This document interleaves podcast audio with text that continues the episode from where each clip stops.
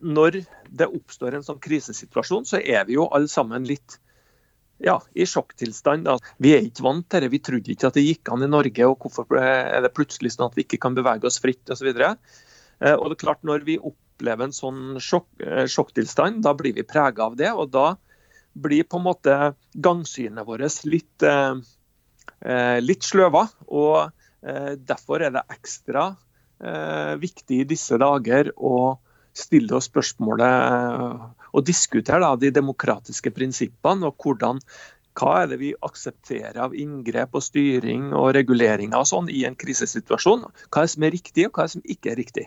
Og Akkurat hva vi godtar og ikke godtar, kan jo òg endre seg nokså fort. Altså I forbindelse med at barnehagene åpnet igjen nå og skoler står for tur, eh, så har vi jo sett at en del foreldre vegrer seg for å sende barna ut igjen, og noen etterlyser heller strengere tiltak, f.eks. Eh, eh, det er noen psykologiske effekter her òg som, som påvirker oss, her jeg for meg?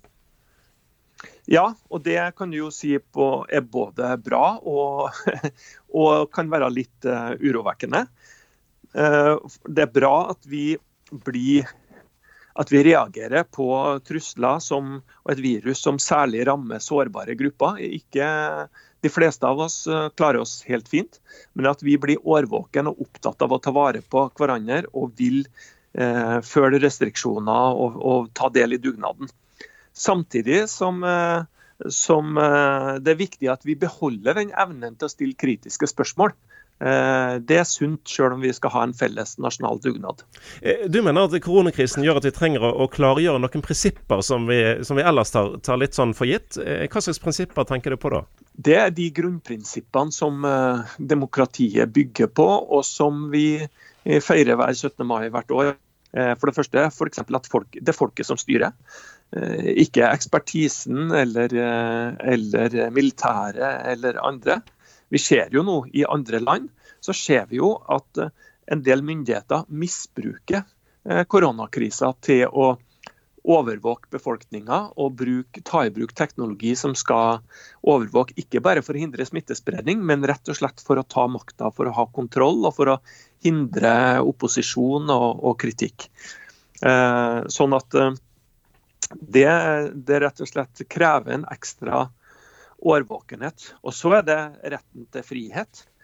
Eh, og det at vi skal kunne bevege oss fritt, ha frihet til å si hva vi vil, mene hva vi vil, eh, og rett og slett være frie mennesker. Og Det er klart det er ekstra viktig å diskutere nå når vi faktisk må godta noen sånne strenge reguleringer for, eh, fordi at vi er i en krisesituasjon. Ja, for i, en sånn situasjon så er det jo sånn at ulike hensyn eh, må veies opp mot hverandre. En greier ikke gjennomføre alle hensyn eh, samtidig. Eh, det har blitt sagt underveis i, i, denne situasjonen at hensynet til helse går foran andre hensyn. Hva tenker du rundt det? Ja, kunnskapsministeren Guri Melby sa jo det på en pressekonferanse her i forrige uke. at hensynet til helse går foran alt annet, sa Og det, sånn med en gang så høres jo det riktig ut, og det tenker vi ja, selvsagt må det det.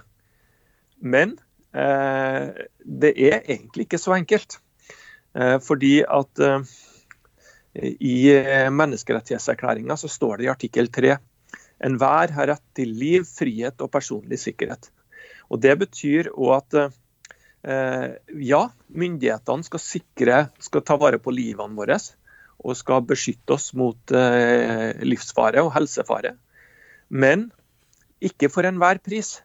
Fordi vi har rett på en frihet som frie innbyggere til å si hva vi vil, til å bevege oss og leve frie liv. Og det, for eksempel, Vi kan ta et uh, eksempel.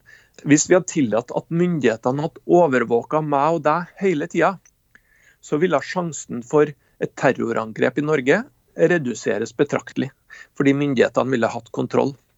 Eh, faren for eh, at du blir utsatt for vold og overgrep kunne reduseres betraktelig hvis alle mistenkte ble overvåka. Myndighetene fikk anledning til at politiet kunne eh, avlytte telefonen din f.eks.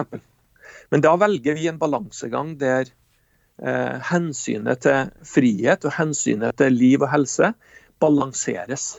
Og Det det er særlig viktig da i, når vi nå diskuterer bekjempelsen av et virus som er livsfarlig for enkelte eh, og for sårbare grupper.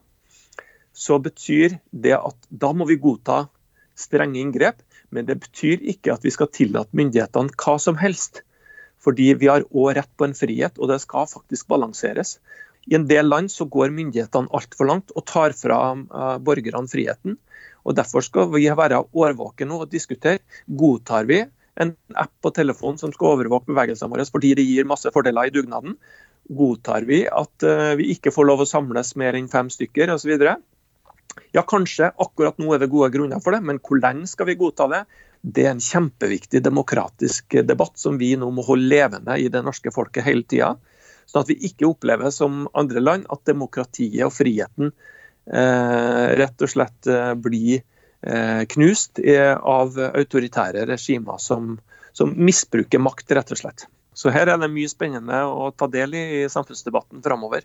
Og det er nettopp det tror jeg som gir immunforsvar, da, for å si det sånn, for demokratiet og friheten.